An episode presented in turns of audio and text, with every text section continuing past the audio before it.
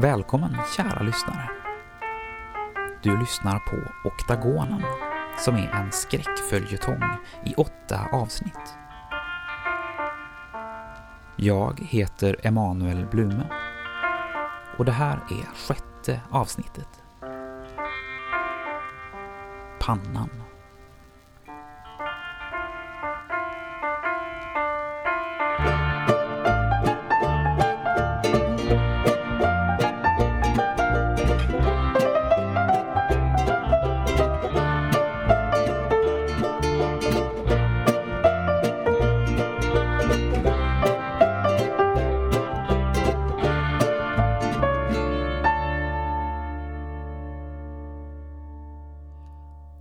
Sjätte gången tar jag hissen ner till våningen under källaren.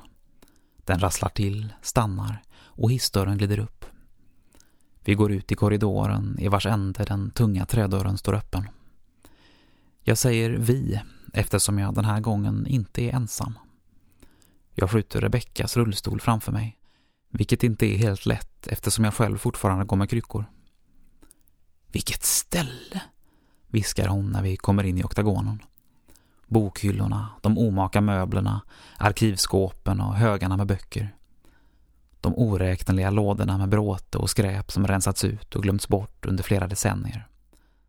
Allt står kvar och verkar göra samma intryck på henne som det gjorde på mig för sex veckor sedan. Hennes blick vandrar längs väggarna och taket. Är det sex, sju, åtta hörn? Jag nickar. Ser mig omkring efter människor jag känner igen. Antonio sitter med sin pipa och ögnar igenom en bunt papper. Med jämna mellanrum fingrar han på apparaten på halsen och väser något åt den unga killen vid sin sida, som jag fått för mig heter Alex. Varken Kristina eller Susanne är där. Shahin är fortfarande borta. Jag räknar människorna i rummet. Sex stycken, inklusive mig och Rebecka. Två till kommer in genom dörren. Åtta. Alltid åtta. Var det därför Gunnar blev utskriven? För att vi skulle förbli åtta? Jag har faktiskt ringt honom.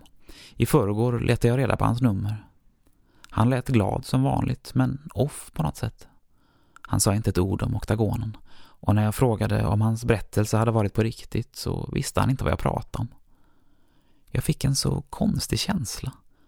Det var som att det inte hade hänt. Som att han aldrig hade varit där. Framför en av bokhyllorna står Rakel och pratar med en man jag inte har sett förut, med stor svart mustasch.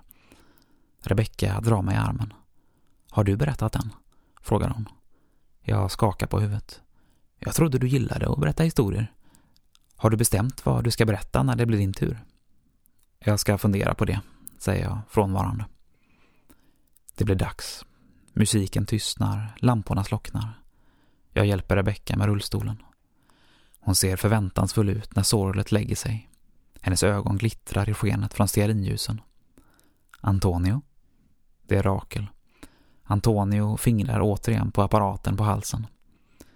Jag har valt ut en berättelse, väser han. Alexander läser upp den. Den unga, blonda killen rodnar lätt. Han sitter med de utskrivna pappersarken i händerna. Jag har eh, bara bott två år i Malmö, fortsätter Antonio. När jag kom till Sverige hamnade jag i Ångermanland. Den här berättelsen kommer därifrån.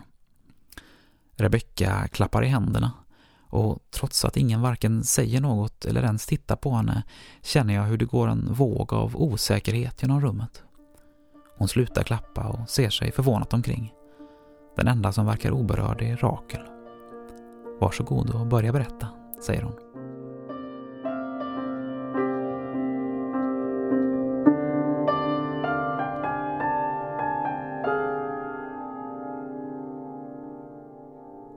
Han stod framför det stora panoramafönstret och tittade ut i mörkret. Det var i mitten av november och snön föll i tunga vita flak som glittrade i ljuset från gatlyktorna som lyste upp parkeringen. Ett centimetertjockt täcke av nysnö hade redan lagt sig över asfalten. Här har vi alltså den skenande globala uppvärmningen, sa han till sin reflektion i glasrutan. Han gjorde ett halvhjärtat försök att skratta åt skämtet, men reflektionen skrattade inte. På andra sidan fortsatte snön falla. Han tog fram mobiltelefonen ur kavajfickan och slog numret till bränslechefen. Det dröjde fyra signaler innan han fick svar. Mm, Oskarsson. Vad är en bolagsdirektörs främsta egenskap? Det hördes en suck från andra sidan luren. Ansvar, Oskarsson, fortsatte han utan att vänta på svar. Jag har ett långsiktigt ansvar för det här bolaget. Jag kan inte fatta beslut baserat på tillfälliga trender, eller hur? Är du kvar på kontoret fortfarande? undrade Oskarsson. Och jag kan definitivt inte ta beslut som jag vet leder till katastrof för bolaget. Eller hur, Oskarsson? Ja, ja, eller nej, nej, men alltså. Styrelsen kommer att rösta som den röstar imorgon, oavsett om du stannar uppe hela natten. Du kan inte göra mer än att rösta avslag till den där jävla pannan. Du har ju utslagsröst dessutom. Åk hem till Anita nu. Och vet du varför, Oskarsson? Kan du säga mig varför jag har utslagsröst? Det hördes ytterligare en djup suck från andra sidan luren. För att det var din farfar som startade det här bolaget 1917. Och det står i stadgarna att nej, Oskarsson. Det är inte därför. Det är för att det inte finns någon annan här som kan det jag kan. Jag tog över ledningen över det här bolaget när jag var 19. Jag lärde mig gå i de här husen. Det är jag som ser till att folk i den här kommunen inte fryser ihjäl på vintern. Borde det då inte ligga i mitt mandat att men herregud, klockan är halv tolv och hem och lägg dig. Jag lägger på nu, ungarna vaknar ju för helvete. Oskarsson, vänta! Det blev tyst i telefonen. Han stoppade tillbaka den i kavajfickan. Förstod inte Oskarsson vad som stod på spel? Han hade verkat så redig och engagerad på anställningsintervjun för tre år sedan. Men på sista tiden hade han vid flera tillfällen gett honom anledning att tvivla på att han hade valt rätt person. Han betraktade sin reflektion i fönsterglaset. Kavajen, det slätrakade ansiktet, det korta grå håret. För första gången tyckte han att han såg gammal ut. Var han gammal? Han var den enda som fanns kvar nu. Den enda som fanns kvar från den gamla tiden, när bolaget fortfarande varit ett litet familjeföretag som importerade eldningsoljor. På 70-talet hade det utvecklats till ett kommunalt fjärrvärmebolag och som ung bolagsdirektör hade han fått ett helt nytt ansvar. Han hade varit med från början, ända sedan den första grävmaskinen satte skopan i marken. I snart 40 år hade han följt arbetet gått med bygghjälm och gummistövlar på leriga byggplatser medan anläggningarna växte. Rör för rör och panna för panna. Hela Sverige hade vuxit och utvecklats. Sotande vedspisar hade kastats ut. Gamla dragiga ruckel där folk suttit och frusit i generationer hade rivits och ersatts med moderna lägenhetshus med fjärrvärme. Hans bolag var en del av det hårda arbete som gjort Sverige till ett välfärdsland. Idag ansvarade han för värmen i över 6 000 hushåll. Han hade sett trenderna i värmebranschen komma och gå, men hans uppgift hade alltid varit densamma. Att hålla människor varma. Han återvände till skrivbordet, en massiv ekmöbel som hans farfar importerat i slutet av 20-talet. Det hade stått på samma plats sedan huset byggdes eftersom dörren var för smal för att det skulle gå att flytta. Mitt på bordet låg årsmöteshandlingarna. Det var dagordningen med de vanliga bilagorna. Verksamhetsberättelse, budget och revisionsberättelse. Inget av de där pappren betydde något. Det var samma papper som lagts fram till varje årsmöte de senaste 20 åren. Han hade aldrig betraktat det styrelsen höll på med som något egentligt arbete. Snarare något byråkratiskt, nödvändigt ont. En beklaglig förutsättning för det riktiga arbetet. Rören, oljorna och pannorna. Det som förde samhället framåt. Papper höll inte folk varma. Om det inte eldades förstås. Det enda papper han brydde sig om var den allra sista sidan. Som en blinkande varningslampa låg den där, hophäftad med resten av handlingarna i den genomskinliga plastmappen. Motion 1. Investering i hållbara produktionsmedel. För varje gång han läste rubriken kände han allt större avsmak. Han var inte emot miljö, men han var för sunt förnuft. Det var en av de nyinvalda i styrelsen som hade lagt motionen. Petra Karinsdotter. Bara namnet fick honom att dra öronen åt sig. Vad hade någon som hette Petra Karinsdotter i styrelsen för ett fjärrvärmebolag att göra? Motionen gick ut på att köpa in en värmepanna för biobränsle, dimensionerad för att ersätta de nuvarande oljepannorna och täcka basbehovet. Han skakade på huvudet. Förstod hon omfattningen av ett sådant projekt? Förstod hon vilka kostnader det skulle innebära? Och till vilket syfte? Att ta vårt ansvar för hållbar utveckling enligt motionen. Han hade vikt sitt liv åt att ta ansvar. Hur mycket visste Petra Karinsdotter om det? Som av en händelse var det dessutom bara en vecka sedan en handfull aktivister med plakat och megafon hållit en demonstration på torget. Stoppa fossilberoendet, hade de ropat. Och rädda kommande generationer, lämna oljan i marken. Lokaltidningen hade velat höra hans kommentar, men han hade inte haft något att säga. Det gick inte att diskutera med folk som saknade kunskap. Det hade han lärt sig för länge sedan. Det som gjorde honom beklämd var att människorna som kritiserade honom var samma människor vars välfärd han ägnat sitt liv åt att bygga upp.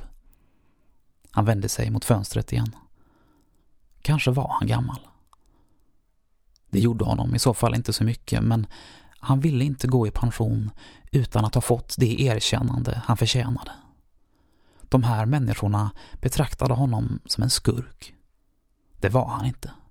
De hade missförstått, medvetet eller omedvetet. Ju mer han tänkte på det, desto mer säker blev han att Petra Karinsdotter hade ett finger med i spelet. Hippietrams, sa han till reflektionen i glasrutan. Han var öppen för diskussioner, men tonen de senaste åren hade gjort honom allt mer bekymrad. Många av klimatalarmisterna hade överträffat sig själva. I viss mån kunde han förlåta dem. De flesta av dem var unga och oerfarna. Han var gammal nog att ha hört det mesta förut. Det hade varit pseudovetenskap redan på 70-talet och det var inte mycket som hade förändrats. Han kände igen slagorden, som ett eko av ett omoget förflutet han vuxit ifrån. I vanliga fall bekom honom alarmisterna inte så mycket, men nu hade de satt klorna i hans bolag och som verkställande direktör hade han inget annat val än att sätta ner foten. Bolaget hade skötts ansvarsfullt i snart ett sekel.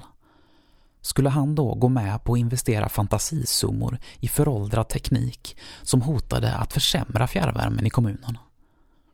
Förstod de innebörden av en sån investering? Riskerna? Var skulle pengarna tas ifrån? Arbetarnas löner? Kommunens välfärd? Det skulle krävas uppläggningsplatser, nyinvestering i infrastruktur, anpassning av hela distributionssystemet.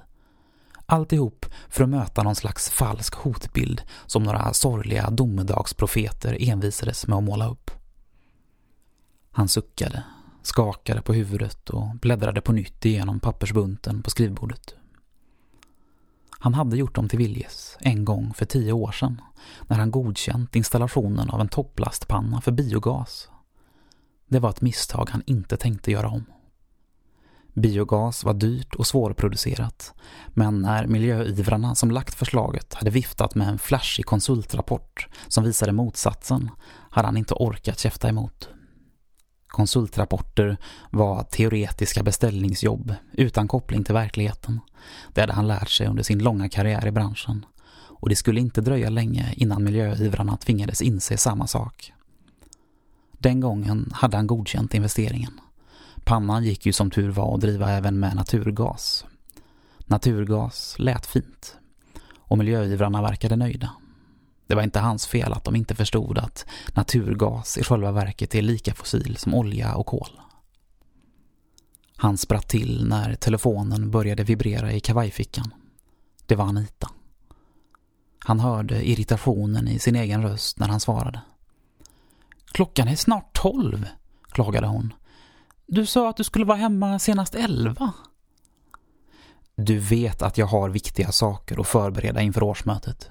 Jag kommer hem när jag är klar, har jag ju sagt.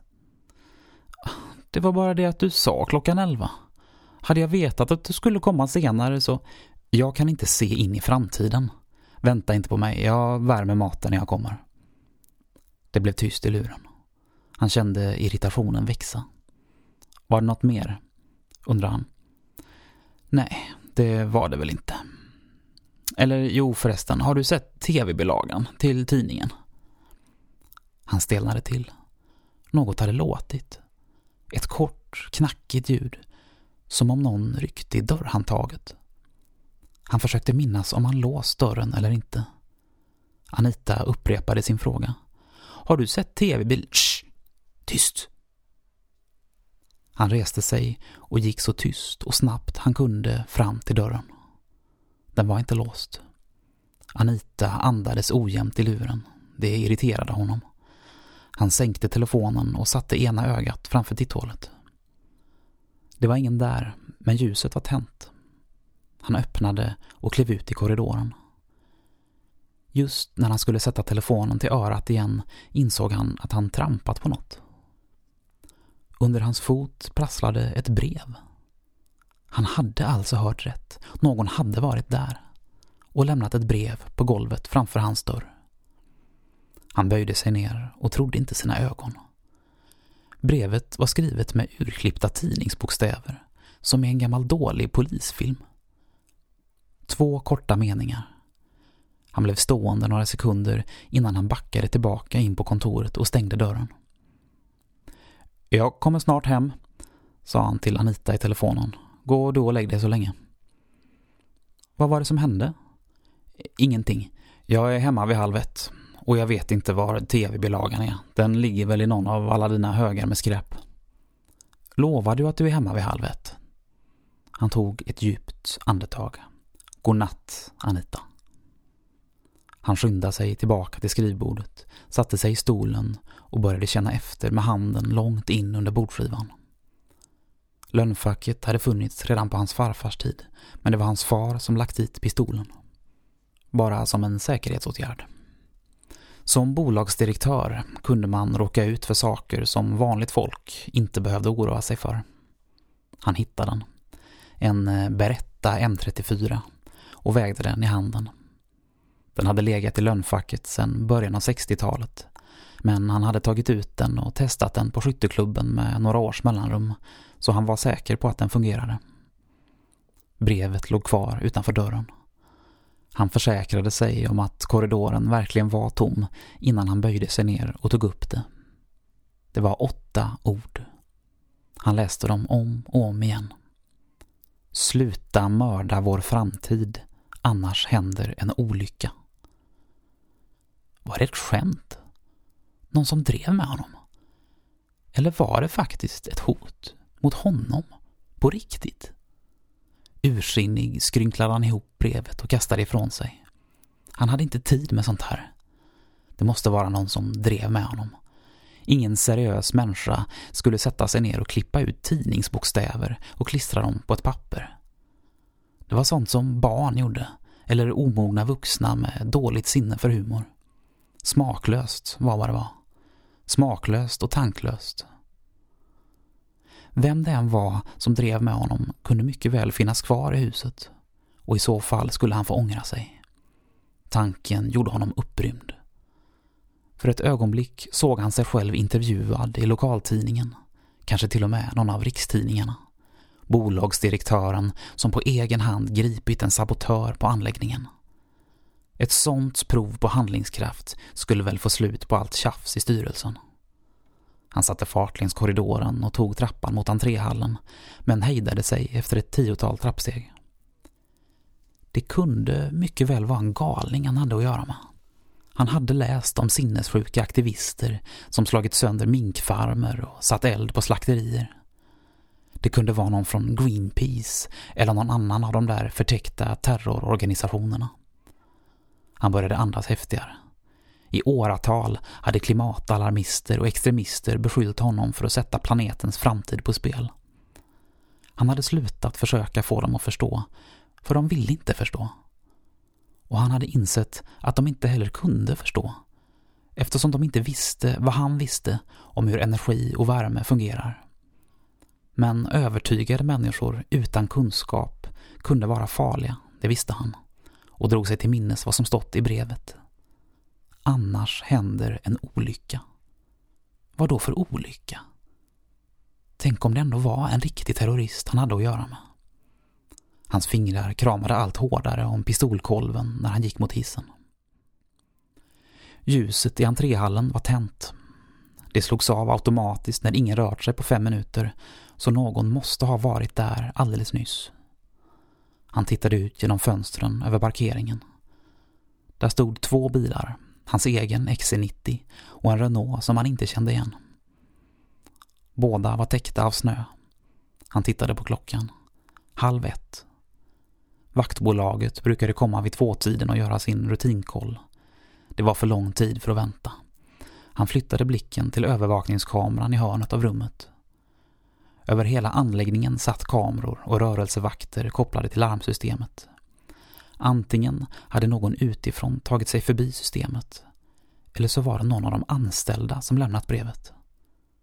Tanken gjorde honom upprymd. Under flera år hade han haft känslan av att hans egna anställda motarbetade honom. Han skyndade in bakom receptionsdisken och slog på datorskärmen.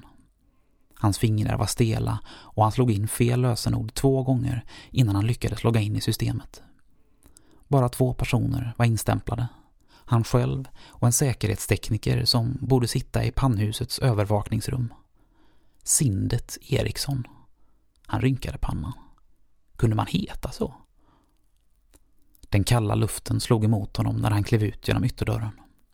Han stoppade nyckelkortet i byxfickan och funderade ett ögonblick på om han skulle springa upp på kontoret och hämta sin rock innan han stängde dörren efter sig och gav sig ut i bara kavajen. Han tänkte inte låta någon ohängd klimataktivist komma undan för att han tog några extra minuter för lång tid på sig. Gården var inhägnad och upplyst och enligt loggen i datorn hade grinden inte öppnats sedan strax efter åtta tiden. Den som lämnat brevet måste alltså vara kvar på området. Han sökte igenom parkeringen med blicken och fick genast syn på fotspåren som gick mellan kontorsbyggnaden och pannhuset. Huttrande, med kavajen tätt svept om överkroppen, började han springa över gården. Innan han hunnit fram till pannhuset fick han stanna för att hämta andan. En kort stund blev han stående medan snöflingorna singlade ner som glittrande konfetti omkring honom. Det gick upp för honom hur högljutt hans eget flåsande var och han höll andan i några sekunder. Det var så tyst. En mjuk och kall tystnad. Om han inte hade varit så upprymd hade han kanske tyckt att det var vackert. Pannhuset och tankarna låg en bit bort från de övriga byggnaderna. Ett politiskt beslut i slutet av 80-talet hade tvingat bolaget att flytta byggnader där det förelåg explosionsrisk till ett större säkerhetsavstånd. Det hade kostat en förmögenhet. Han hade försökt överklaga beslutet, men ingen hade lyssnat på honom. Han kände den nästan 30 år gamla ilskan flamma upp på nytt.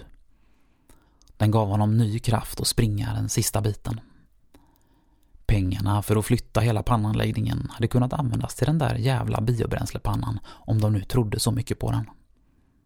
Det var inte hans fel att okunniga kommunpolitiker fattade korkade beslut om sånt de inte förstod sig på. Klimathot. Det var bland det dummaste han hört. Men folk gick på det. Flåsande tog han sig upp för trappan till pannhusets sidoingång. Egentligen trodde han inte att folk var idioter.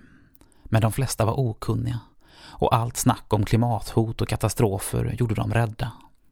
Då var det hans plikt att stå för det förnuftiga. Han drog sitt kort i läsaren.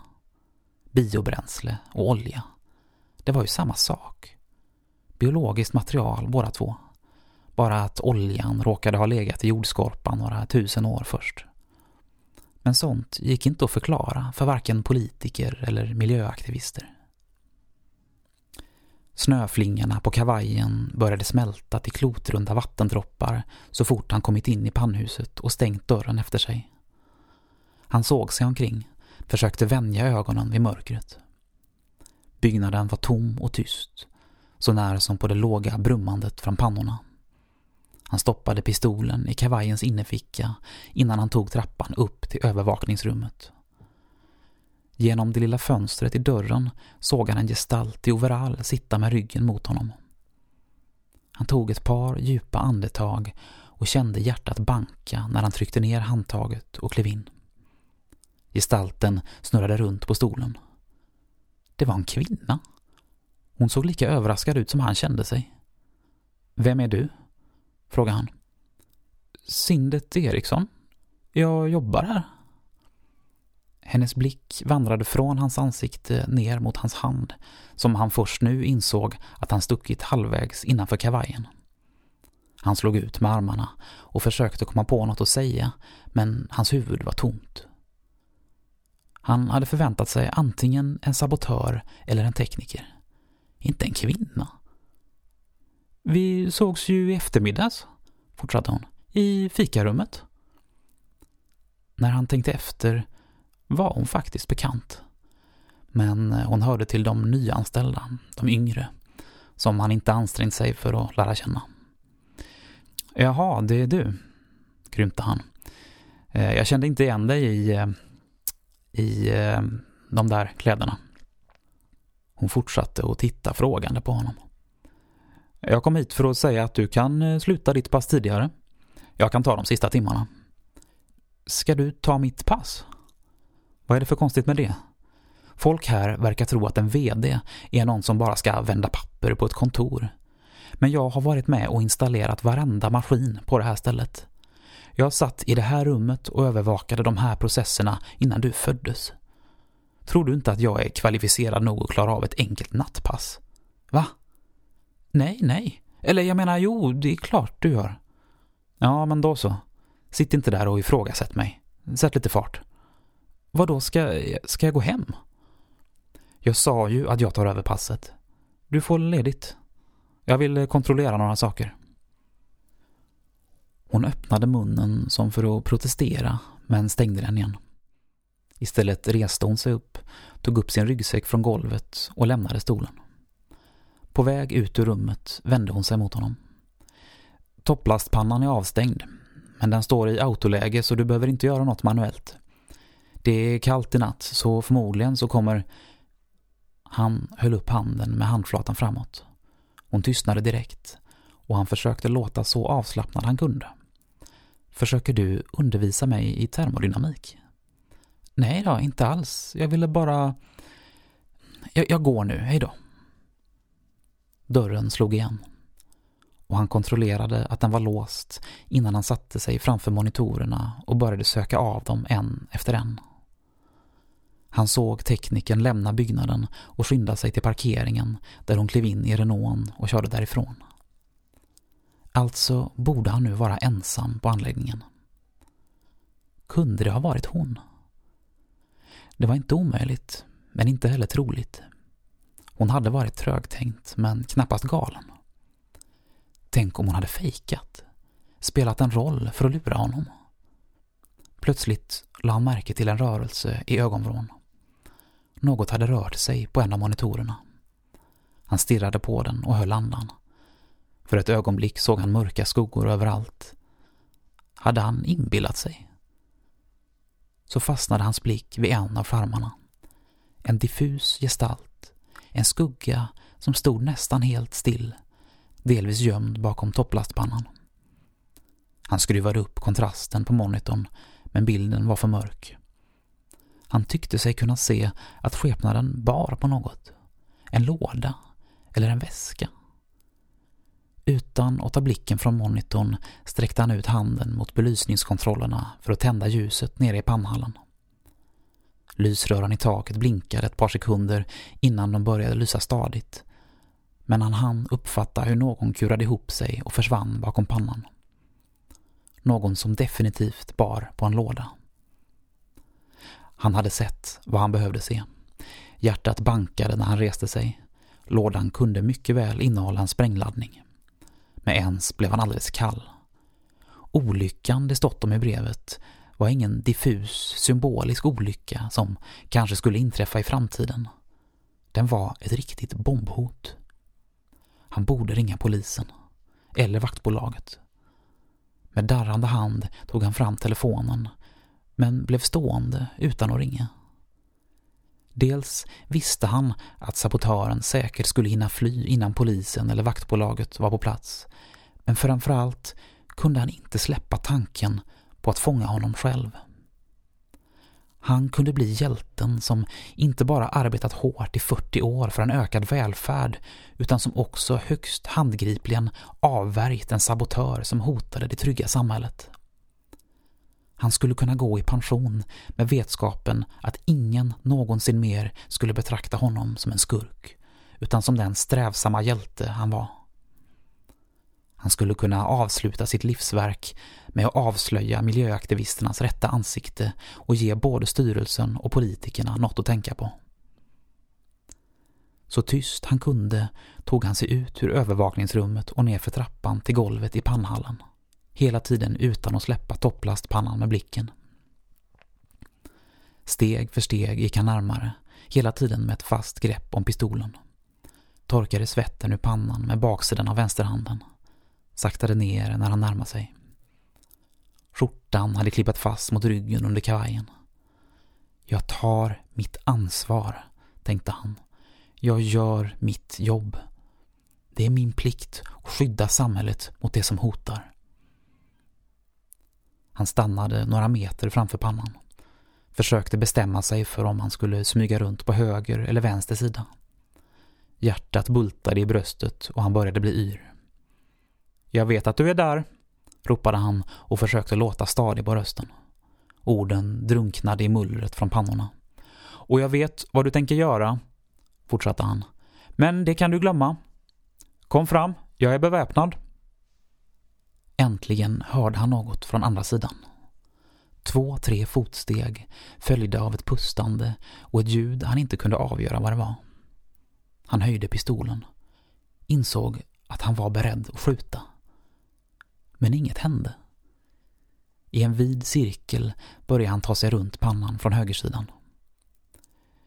Jag vet inte vad du tror om mig, ropade han, men jag gör bara mitt jobb. Det fanns ingen på andra sidan. En stege ledde upp på pannan. Ett metalliskt ljud hördes där uppifrån, som av en lucka som slog igen. Han la ena handen på stegen. För att klättra upp behövde han båda. Han stoppade pistolen i munnen och började klättra. Olja och biobränsle är samma sak, tänkte han medan han bet ihop så hårt han kunde om pistolkolven. Biologiskt material, båda två. Bara att det ena råkar ha legat i jordskorpan några tusen år. Med ett stön hävde han sig över kanten. Ingen där heller. Så fort han kommit på fötter tog han pistolen i handen igen drog sitt nyckelkort i kortläsaren bredvid luckan för manuellt underhåll, slog in den extra säkerhetskoden och knappade sig förbi varningsmeddelandena. Ett klick och luckan gled upp. Han gick i cirklar kring öppningen. Aktade sig för att hamna i skottlinjen för ett eventuellt skjutvapen. Kom upp därifrån. Jag vet vem du är. Inte ett ljud från luckan. Jag räknar till fem, sen skjuter jag. Ett, två, tre, fyra. Utan att säga fem tog han ett enda steg fram till luckan och sköt två skott ner i mörkret. Smällarna fick honom att tappa balansen och falla ner på knä. Den första kulan hade rikoschetterat. Den andra hade träffat något. Han kröp fram till öppningen och tittade ner. Jag har gjort allt jag har kunnat, viskade han ner i mörkret. Det gick att ana konturerna av något där nere. Han tog tag i kanten och började klättra. Det fanns ingen stege på insidan. Han blundade och släppte taget. Det var bara ett kort fall ner till botten, men han landade på något som fick honom att ramla omkull. Frustande och flämtande fumlade han i kavajfickan efter telefonen. Han fick fatt i den och slog på ficklampsfunktionen. Det fanns ingen där. Det han landat på var en papplåda. Förvirrad öppnade han det trasiga locket. Lådan var full av möteshandlingar. Där fanns vartenda årsmötesprotokoll sedan början av 70-talet. Överst låg kallelsen till morgondagens möte. Han kände hur det stockade sig i halsen. Jag har gjort allt jag har kunnat, viskade han igen. Han slängde lådan med handlingar ifrån sig. Armarna värkte. Hade han burit på den hela tiden? Underhållsluckan slog igen ovanför honom. En elektrisk motor startade och rörsystemet började väsa. Teknikerns röst ekade i huvudet. Topplastpannan står i autoläge. Det är kallt ute i natt. Han fumlade med telefonen för att slå nödnumret men blev avbruten av att den ringde. Det var Anita. Var är du någonstans? Klockan är halv två.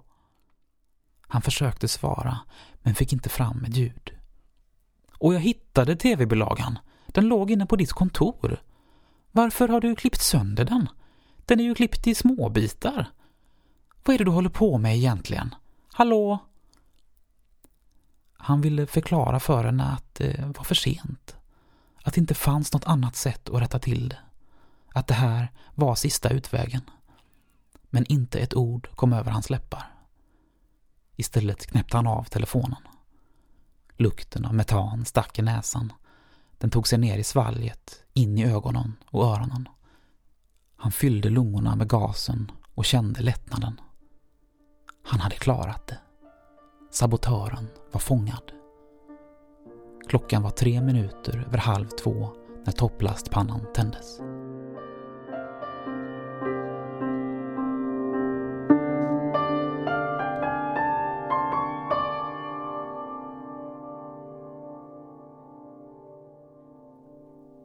Rebecka är sprängfylld av frågor när vi kommer tillbaka till rummet. Varför pratar inte folk med varandra? undrar hon. Jag säger som det är att jag inte vet. Men hela grejen är ju helt vrickad. Vad är det här för människor? Och den här Rakel, eller vad det är du kallar henne, vem är hon? Varför gör alla som hon säger? Det är ju som en jäkla sekt. Jag vill vrida mig, åla mig runt hennes frågor, tacka för hennes intensiva blick. Det är klart att jag har frågat mig allt det där.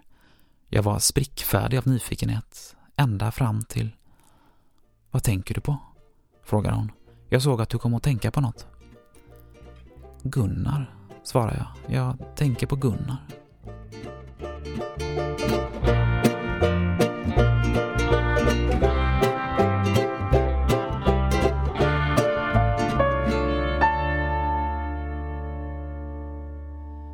Du har lyssnat på Pannan, sjätte avsnittet av Oktagonen. Jag som skrivit och producerat heter Emanuel Blume och inspelningstekniker var Sofia Edlund. Oktagonen är en samproduktion mellan Typ förlag och Mörkersdottir förlag.